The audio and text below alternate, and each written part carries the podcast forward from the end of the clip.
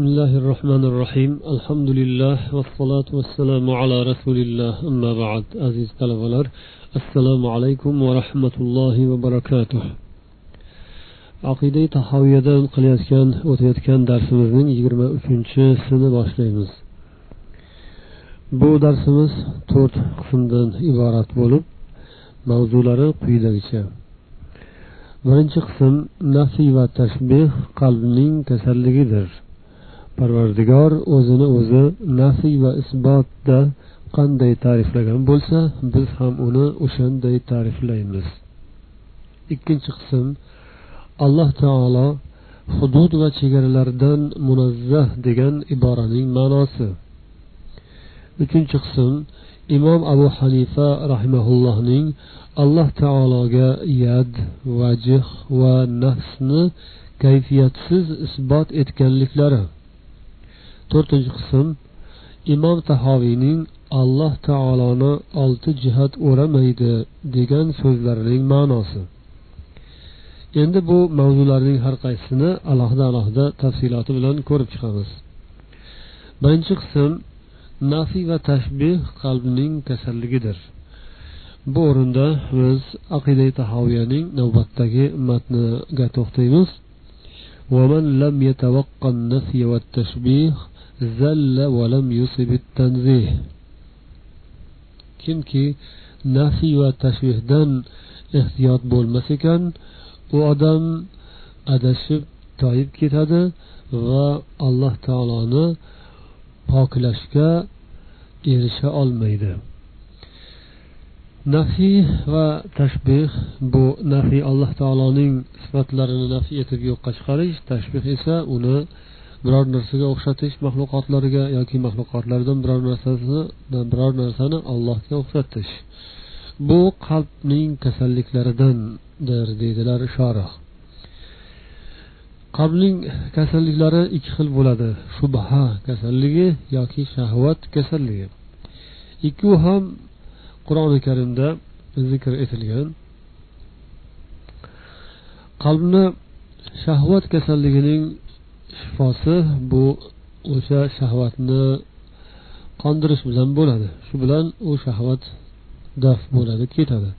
Lekin shubha kasalligini ketkazish esa alloh rahmati mag'firatini yog'dirmasa olloh o'z marhamatidan uni nasibalar etmasa unday kasallikdan inson qutulishi mumkin emas.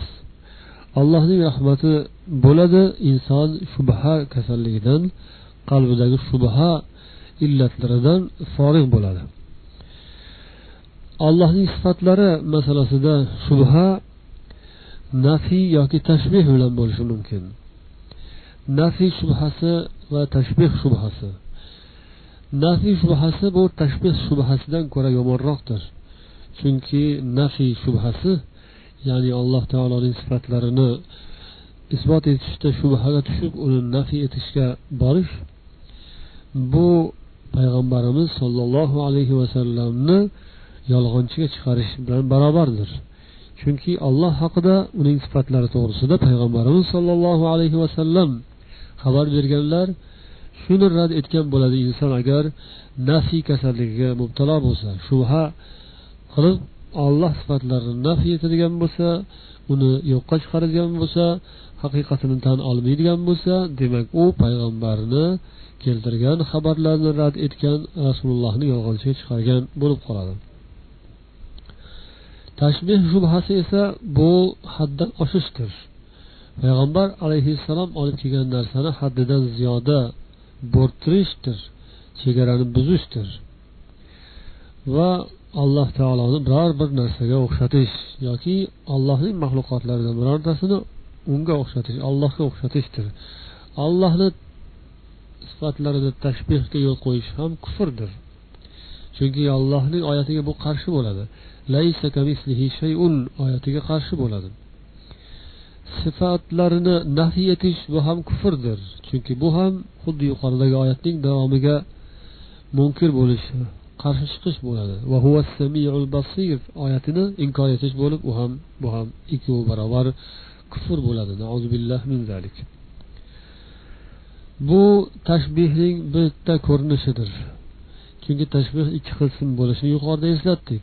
Xoliqni maxluqqa tashbih qilish yoki maxluqni xoliqqa tashbih qilish. Bu har ikkovi ham tarixda uchragan hayotda ba'zan uchrab turadi. Xoliqni maxluqqa tashbih etish bu kamroq sodir bo'ladigan holat lekin ahli kalomlar mana shu narsani rad etamiz deb o'zlarini ko'p kuchlarini behuda sarflagan soha mana shu xoliqni maxluqqa tashbih etish borasida ular ko'p o'zlarini o'zlari ovora qilganlar. Odamlarni ichida bu tashbihga mubtalo bo'lganlar keyingisiga qaraganda kamroqdir. Keyingisi ya'ni maxluqni xoliqqa tashbih etish esa bu ko'proq sodir bo'ladi. Masalan masih alayhissalomni iso alayhissalomni alloh taologa tashbih qilib xudolik darajasiga ko'tarib yuborganlar.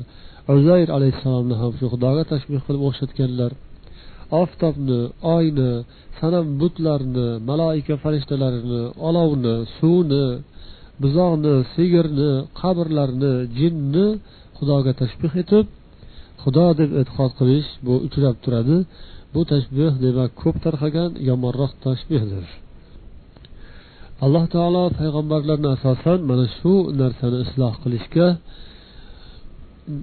buyurib ularni xalqqa elchi qilib yuborgan yakka yolg'iz allohning o'ziga sig'inish unga hech narsani sherik keltirmasdan ibodat qilishga chaqirib bu payg'ambarlarni yuborgan navbatdagi matn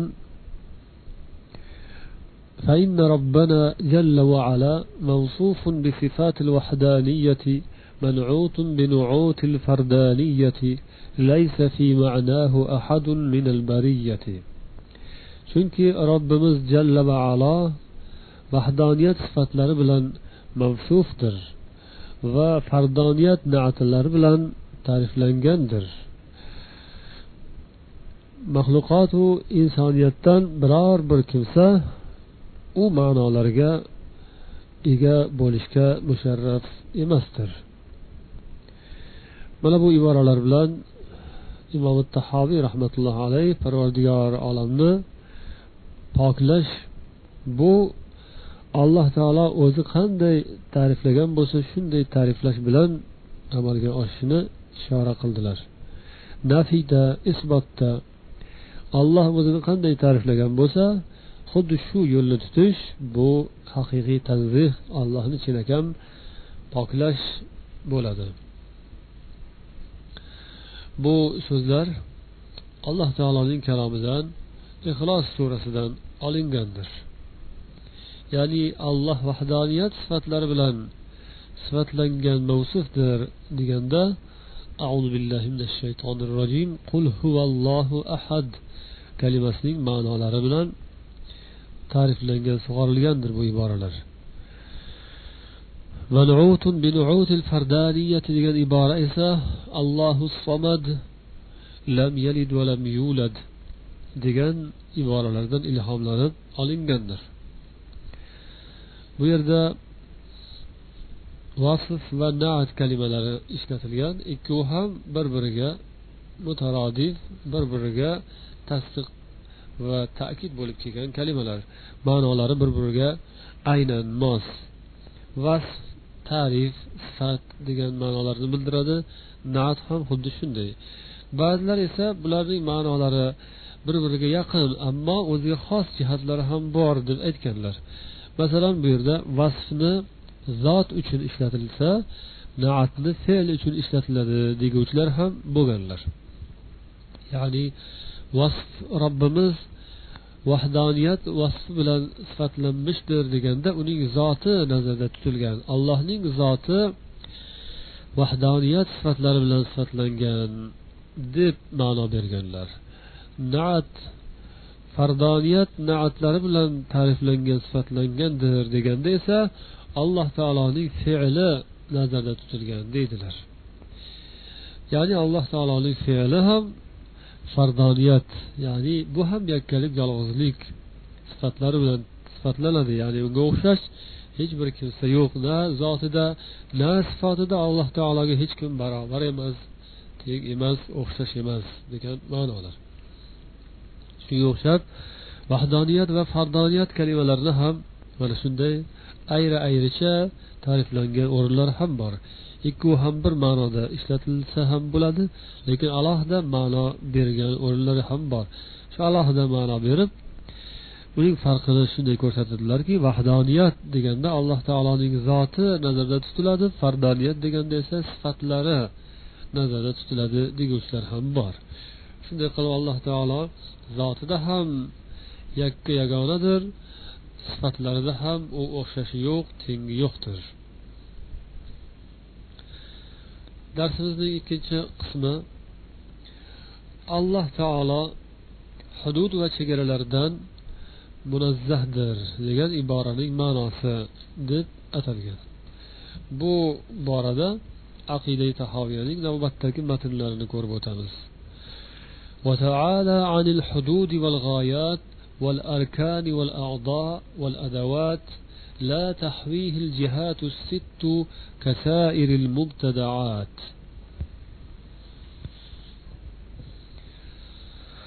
الله تعالى حدود وشجر الأردن çegerelerden, وعزال الأردن أسباب أسكن الأردن uskunelerden درس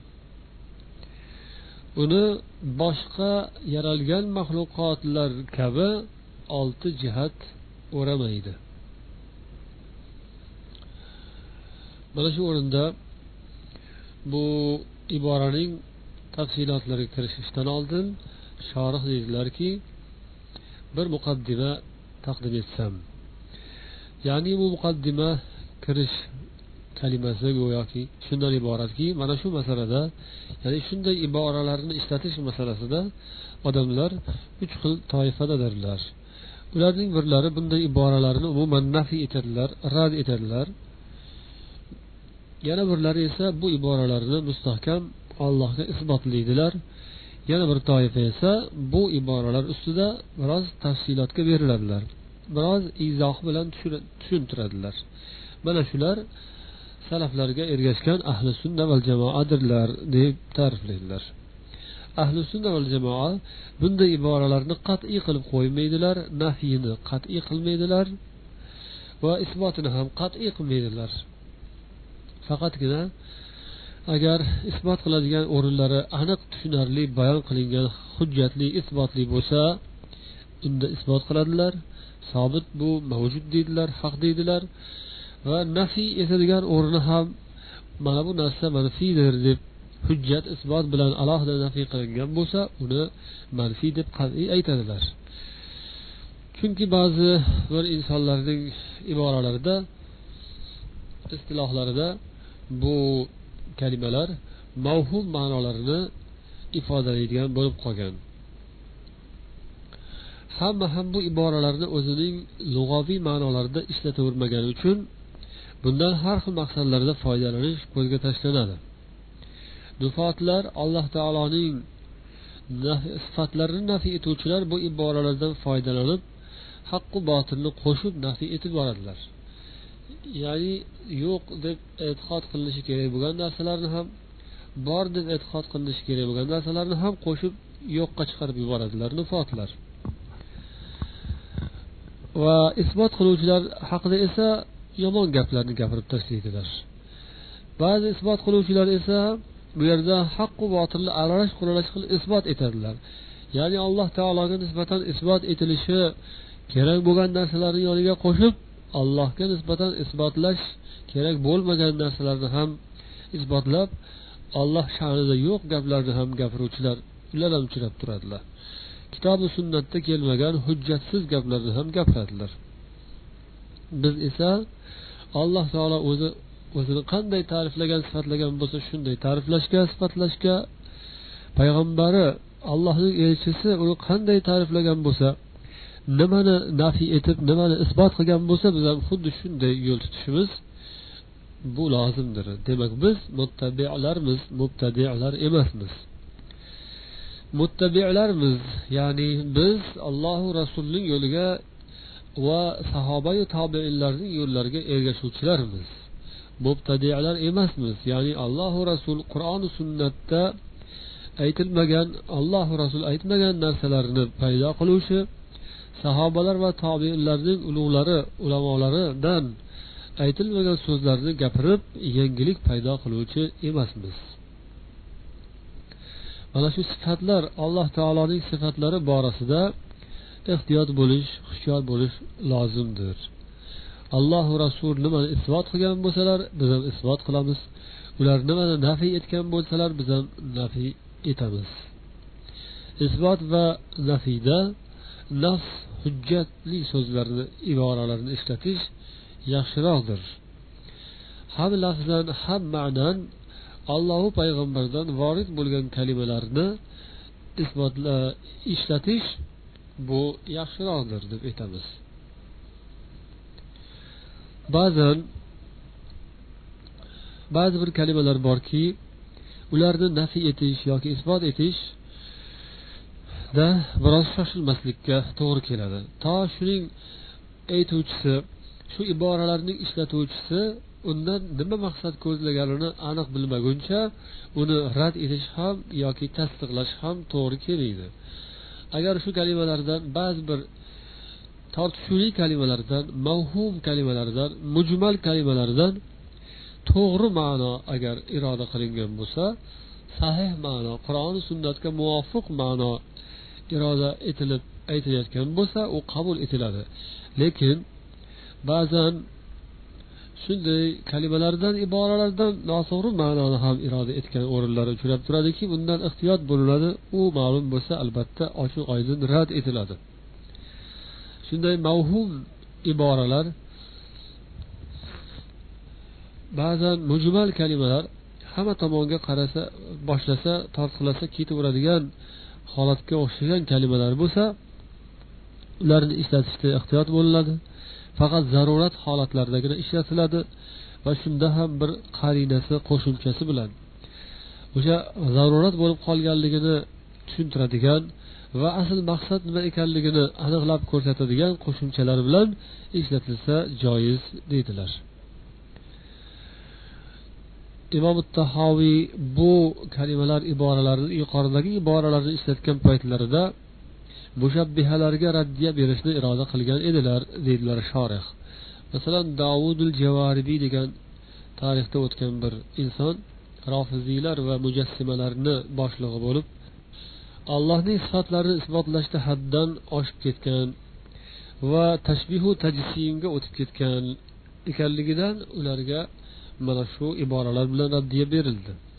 Ya'ni alloh taoloni a'zolari bor chegarasi bor uni qo'shimcha foydalanadigan asbobi uskunalarga o'xshagan narsalari bor deganday allohni jismni talqin etgan alloh taologa jismni nisbat berganlarga qarshi bu iboralar aytilgan edi.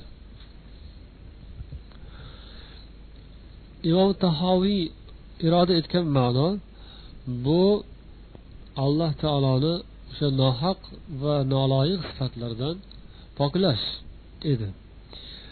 Ya'ni o'sha mujassimalar davo qilganidek allohning jismi bor allohni xuddi maxluqotlarga o'xshagan a'zolari bor degan ma'nolarni rad etib nafiy etib mana shu iboralar zikr qilingan. Ya'ni alloh taolo ba'zilar davo qilgandek mujassimalar davo qilgandek hudud va chegaralardan qism va a'zolardan asbobi uskunalardan xolidir pokizadir deb aytilgan. Ammo ba'zilar bu iboralarni suiiste'mol qilib uning orasiga haqqu botilni aralashtirib yuborganlar. Shunday qilib alloh taoloni nafiy etilmasligi kerak bo'lgan sifatlarni ham nafiy etuvchilar paydo bo'ldilar. Allohni ba'zi bir sifatlari yad vajh qo'l yuz nafs degan sifatlarni ham ular rad etib yo'qqa chiqaruvchilar bu iboralardan foydalanadilar.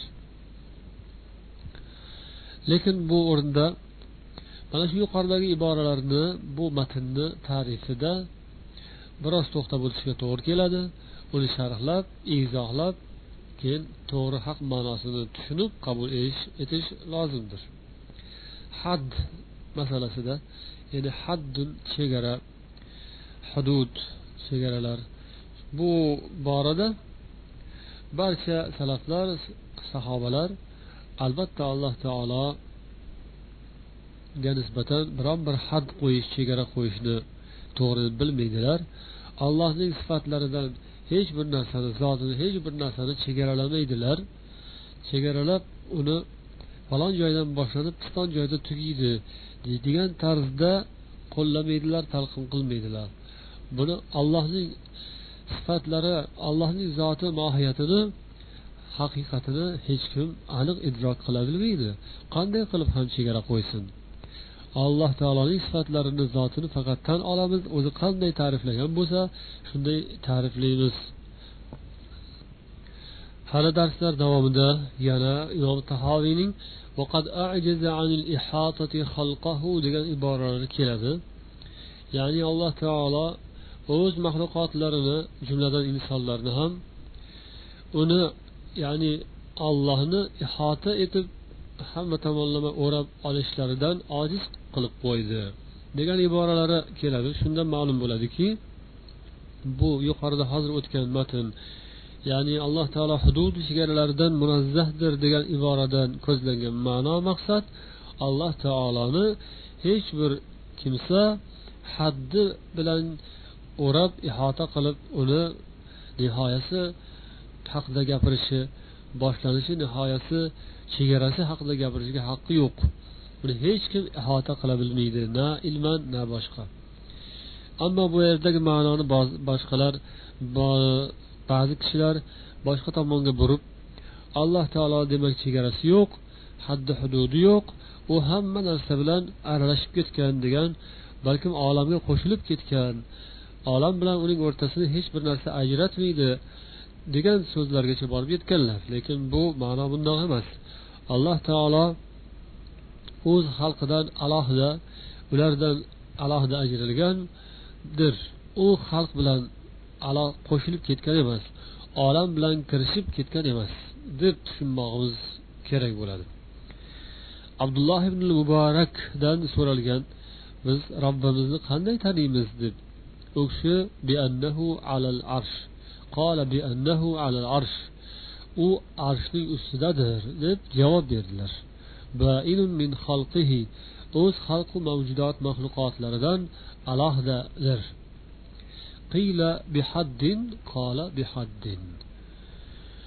Had bilanmi chegara bilanmi alohidaligi deganda u kishi ha chegara bilan alohidadir dedilar.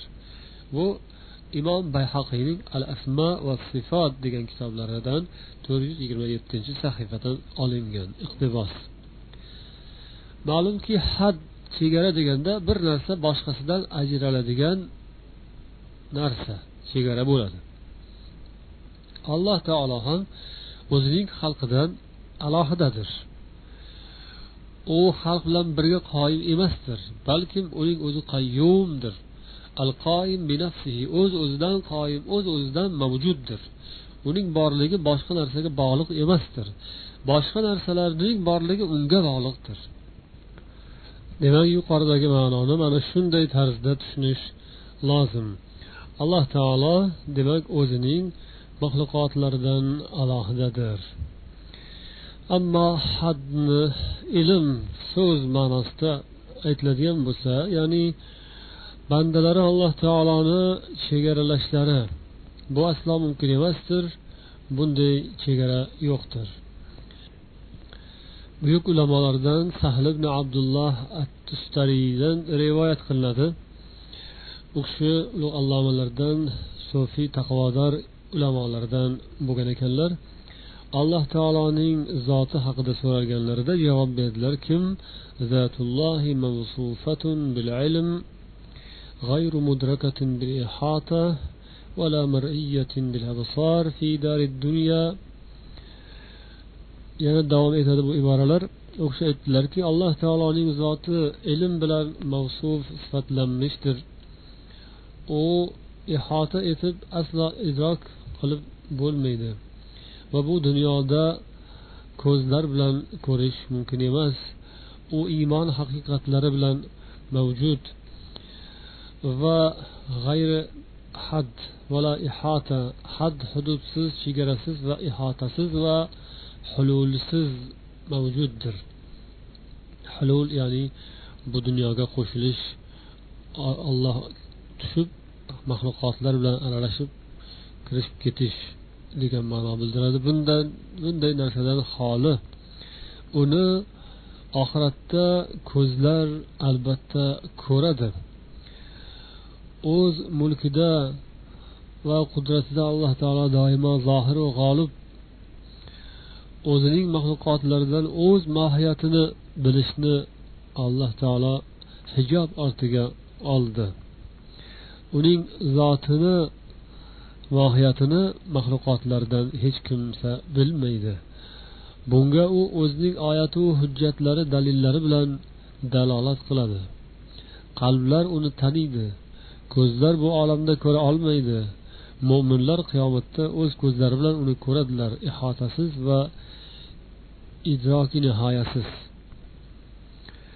Mana bu iboralar allomalarni bu alloh taolo haqida aytgan so'zlari. Ya'ni uni hech bir had bilan chegaralab inson bila olmasligi haqida aytilgan so'zlar. Endi darsimizning uchinchi qismida imom abu hanifa rahmatullohi alayhining alloh taologa yad vajih va nafsni kayfiyatsiz isbot etganliklari haqida to'xtalamiz. Aqidai tahoviya matnida arkon ado adavot degan kalimalar o'tdi. Alloh taolo arkonlardan ya'ni qism va a'zolardan yana har xil asbob uskunalardan yordamchi narsalardan pokiza ekanligini aytildi. Lekin bu iboralardan ham allohning sifatlarini nafiy qilguvchilar o'zlarini maqsadlari yo'lida foydalanib suiiste'mol qiladilar. Va allohni qat'iy dalillar bilan sobit bo'lgan sifatlarini nafiy etadilar ba'zilarini masalan yad va vajh sifatlarini imom abu hanifa rahmatullohi alayh al fiqhul akbar kitoblarida aytadilarki lahu yadun va vajhun va nafsun كما ذكر تعالى في القرآن من ذكر اليد والوجه والنفس فهو له صفة بلا كيف ولا يقال إن يده قدرته ونعمته لأن فيه إبطال الصفة bu iboralar al fiqhul akbar kitobi shayx aliyul qoriyning sharhlari bilan berilgan kitobdan keltirilgan imom abu hanifa deydilarki alloh taoloning yadi qo'li vajhi yuzi va nafsi bordir. Parvardigor bizga qur'oni karimda aytib zikr qilganidek bular haqqu rostdir. Qur'oni karimda alloh taolo yad vajh va nafsni zikr etgan. Demak bular alloh taologa kayfiyatsiz sifatdir. Hech qachon allohning qo'li uning qudrati va ne'mati deb aytilmaydi. Chunki bu so'zda olloh sifatini bekor qilish bordir. Ya'ni agar allohning qo'li degani qudrati va ne'mati degani deyilsa allohni bir sifatini bekor qilingan bo'lib qoladi. Allohni yadi qo'li degan sifatni qudrati deb o'zgartirish demak bekor qilish bo'ladi qo'l sifatini. Alloh taoloning qo'li yuzi nafsi bor deb e'tiqod qilamiz lekin kayfiyatsiz. Kayfiyatini bilmaymiz. Hech qachon bu so'zlar aytilganda inson odatda unga ma'lum bo'lgan qo'l tushunilmasligi kerak. Inson biladigan yuz tushunilmasligi kerak. Insonga ma'lum bo'lgan nafs tushunilmasligi kerak. Bular butunlay boshqa narsalar ular butunlay boshqa narsalar. Uni ismini olloh aytgani uchun aytamiz mohiyatini kayfiyatini tasavvur qilmaymiz. Uni ollohdan boshqa hech kim bilmaydi. Chunki bu narsalar hammasi hujjat bilan dalil bilan qur'oni karimda va hadislarda aytilgan va yana buning ustiga bu yerda ta'kidlab o'tilishi kerak bo'lgan narsa chunki imom abu hanifa rahmatullohi alayhidan bu so'zlar qat'iy dalillar bilan sobit bo'lgan. Qur'oni karimda alloh taolo sod surasining yetmish beshinchi oyatida aytadi. Bu iboralar mana shu oyatlar shaytonga nisbatan xitoban aytilgan edi. Ya'ni men o'zim ikki qo'lim bilan yaratgan narsaga nega sen sajda qilmading? Nima seni bu sajda qilishingdan to'sdi? degan ma'nodagi oyat. Yoki qasas surasining sakson sakkizinchi oyatida hamma narsa halokatga uchrashi magaram faqat allohning yuzi qolishi haqidagi xabarlar yuqorida aytilgan ma'nolarini ta'kidlaydi. Yana moida surasining bir yuz o'n oltinchi oyatida أعوذ بالله من الشيطان الرجيم تعلم ما في نفسي ولا أعلم ما في نفسك yoki anom surasining ellik to'rtinchi oyati kataba robbukum ala nafsihi rahmata degan oyatlarda alloh taoloning nafsi haqida so'z ketadi yana ali imron surasining yigirma sakkizinchi oyati ham bu ham nafs haqida allohning nafsi haqidadir yoki payg'ambarimiz sollallohu alayhi vasallam hadislarida shafoat haqidagi uzundan uzoq hadislarida odamlar hazrati odam alayhissalom oldilariga kelib خلقك الله بيده وأسجد لك ملائكته وعلمك أسماء كل أسماء كل شيء dedilar ya'ni ey otamiz alloh taolo sizni o'z qo'li bilan yaratgan va maloikalarni sizga sajda qildirgan va hamma narsaning ismlarini sizga bildirgan edi deb u kishidan yordam so'raydilar. Mana shu yuqoridagi keltirilgan hujjatlarda yad nafs vajih degan iboralar o'tdi va u yerda bu iboralarni bu so'zlarni boshqa narsaga tavil qilib burib yuborish aslo mumkin emasdir. Odam otamizni alloh taolo o'z qo'lim bilan o'z ikki qo'lim bilan yaratdim deganda bu yerda tashrif odam alayhissalomni ulug'lash bor. Lekin agar bu qo'lni qudrat deyiladigan bo'lsa alloh taolo bunda go'yoki shaytonga men o'zim odamni ikkita qudratim bilan yaratdim degan bo'lib qolar edi. O'shanda albatta shayton ham aytgan bo'lar ediki ha menichi meni ham qudrating bilan yaratgansan-ku degan javob bergan bo'lardi. Shunday qilib shayton bu javobni aytmadi meni ham qudrating bilan yaratgansan-ku demadiku shayton demak ba'zi bir kimsalarga qaraganda go'yoki aqlliroqmi? Parvardigorni chuqurroq taniydimi? Jahamiylarga qaraganda. Jahamiylar allohning qo'li uning qudratidir deb tavil bergan bo'lsalar lekin shayton shu so'zni aytmadi. Lekin yuqoridagi qo'l yuz va nafs degan kalimalardan hech qachon insonga ma'lum bo'lgan a'zolar ular tushunilmaydi qismlar tushunilmaydi.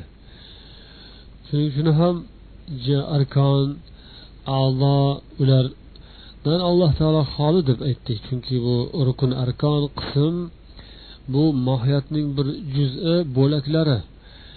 Alloh taolo esa bo'laklarga bo'linadigan narsa emasdir. U a'zoyi badanga ajraydigan a'zoyi badanlardan iborat narsa emasdir.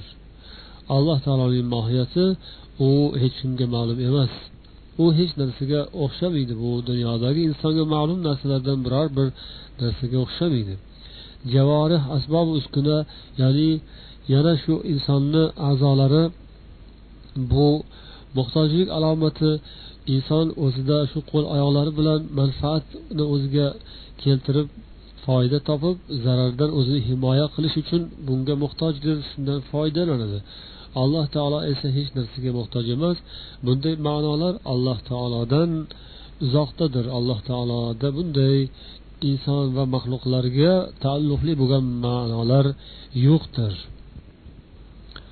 Endi darsimizning to'rtinchi qismiga o'tamiz. Bu imom tahoviyning alloh taoloni olti jihat o'ramaydi degan so'zlarining ma'nosi haqidadir. Jihat tomon degani bu iboradan ham ba'zi bir toifalar o'z foydalari yo'lida foydalanib o'zlarini maqsadlari yo'lida foydalanadilar. Ular mana shu iboralardan alloh taoloni olti jihat o'ramaydi degan so'zdan allohni hamma narsadan oliy va ustun ekanligi sifatini nafiy etmoqchi bo'ladilar. Ular aytadilarki jihat tomon bular hammasi maxluqdir. Alloh taolo esa bu maxluqlardan avvaldan mavjud edi. Jihatlar tomonlar hali yaralmasdan paydo bo'lmasdan oldin olloh mavjud edi. Agar kimki alloh taolo bir falon tomonda falon jihatdadir desa unda o'sha jihat ham go'yoki qadimdek ya'ni azaldan mavjud bo'lgandek bo'lib qoladi. Agar biz alloh taolo osmondadir osmonlar ustidadir yuqori jihatda yuqori tomonda ustundir desak unda shu ustun tomon ham azaldan mavjud bo'lgandek bo'lib u ham alloh bilan birga azaliy qadim ya'ni bu olam demak unda azaliy ekan olam keyin paydo bo'lmagan ekan degan noto'g'ri xulosa chiqib qoladi degan davo bilan ular alloh taoloni oliylik jihati ustun jihatda yuqorida ekanlik sifatini nafiy etadilar va olloh hamma yerdadir deydilar.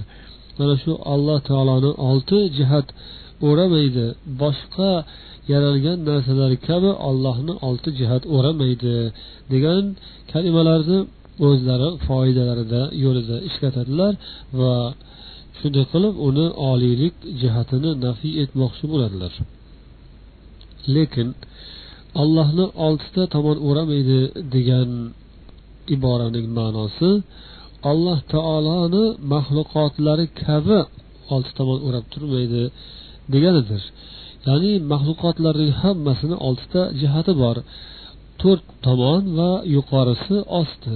Dunyodagi deyarli barcha maxluqotu mavjudotlarni mana shunday olti jihat o'rab turadi. Shu olti jihat o'ramaydi ollohni balkim alloh taolo hamma narsani o'rab turadi va barcha narsaning ustidadir degan ma'noda yuqoridagi kalimalar ishlatilgan. Bunga hujjat ya'ni biz yuqorida hozir aytgan matnimizni mana shunday tarzda tushunishimizga hujjat ya'ni alloh hamma narsani o'rab turadi va uning ustidadir degan ma'no nariroqda shu kitobda keyinroqda keladi. U quyidagi ibora bilan kelgan أنه تعالى محيط بكل شيء وفوقه albatta alloh taolo hamma narsani o'rab turuvchi va hamma narsaning ustidadir degan iboradan demak bu yerdagi ma'no ham o'shanday ekanligi ma'lum bo'ladi agar shu ikkita ibora birlashtirilsa jamlansa unda ya'ni لا تحويه الجهات الست كسائر المبتدعات degan ibora bilan yana muhaytun bi kulli shayin va favqahu degan ibora ikkovi jamlansa ma'lum bo'ladiki alloh taoloni hech bir narsa o'rab turmaydi. Uni hech bir narsa ihota qila olmaydi degan ma'no chiqadi. Boshqa maxluqotlarni esa narsalar o'rab turadi. Va allohning o'zi hamma narsani o'rab turadi uning ustidadir. Lekin shu yerda ham bir mulohazali tomoni borligini shorih ta'kidlab o'tadilar. Aytadilarki mana shunday lafzlarni ishlatish bu yerda ya'ni mujmal ijmoliy holat bor mujmallik mavhumlik bor umumiylik bor. Bu yerda har xil narsaga ehtimollik topilishi mumkin. Har xil toifa o'zini foydasi manfaati yo'lida bunday iboralarni turli xil ma'noda talqin etishi mumkin. Shuning uchun ham bunday iboralarni ishlatgan ma'qul edi yaxshiroq edi deydilar. Va mulohazalarini bayon etib davom qiladilarki agar biz yuqoridagiday qilib ma'noni to'g'ri tushunganimizda ham lekin baribir shar'iy iboralar lafzlar ya'ni sahobalar va tobeinlar ishlatgan ibora lafzlarni ishlatilgani to'g'ri bo'lardi yaxshi bo'lardi deydilar. Yana bir mulohazani aytadilar. Ya'ni boshqa yaralgan maxluqotlar kabi degan kalimani ham atrofida mulohaza bildirib aytadilarki har bir yaralgan paydo bo'lgan narsa borki u o'ralgan o'ralib turadi degan ma'no chiqib qoladi bu iboradan deydilar. Dunyodagi maxluqotlarning hammasi olti tomon bilan o'ralgan degan ma'no anglashiladi bu kalimadan. Lekin bunda mulohaza bor. Chunki hamma narsa ham olti tomon bor deb aytib bo'lmaydi. Unda umuman bu olam yana qandaydir bir olamning ichida degan ma'no chiqib qoladi va shunday qilib tasalsul cheksizlik vujudga keladi. Bu olamda hamma narsani olti tomon o'rab turadigan bo'lsa demak bu olamni hammasini olti tomoni bor. U olti tomon ham olam bo'lib uni ham yana olti tomon o'rab turishi kerak. Shunday qilib cheksiz to'xtamasdan cheksizlik davom etib ketadi. Bu esa mumkin emas. Bu olam cheksizlikdan iborat emas. Bu olamning albatta cheti bor nihoyasi bor. Nihoyasiz narsa yo'q maxluqotlarning ichida. Hammasi chegara bilan qandaydir bir hudud ibtido va intiho bilan nihoyasi bilan yaralgan. Shuning uchun hamma maxluqotlar kabi barcha boshqa yaralgan maxluqotlar kabi degan ibora ham agar chuqurroq o'ylab ko'rilsa uni ham ustida ba'zi bir mulohazalar borligini aytadilar. Olam hammasi ham oldi tomon bilan o'ralgan emasligiga masalan misol keltirib osmonlar va yer bular kursiyning ichidadir. Kursiy esa arshning ostidadir. Demak olamdagi maxluqotlarning eng buyugi arsh va u olamning tugagan joyidir deydilar.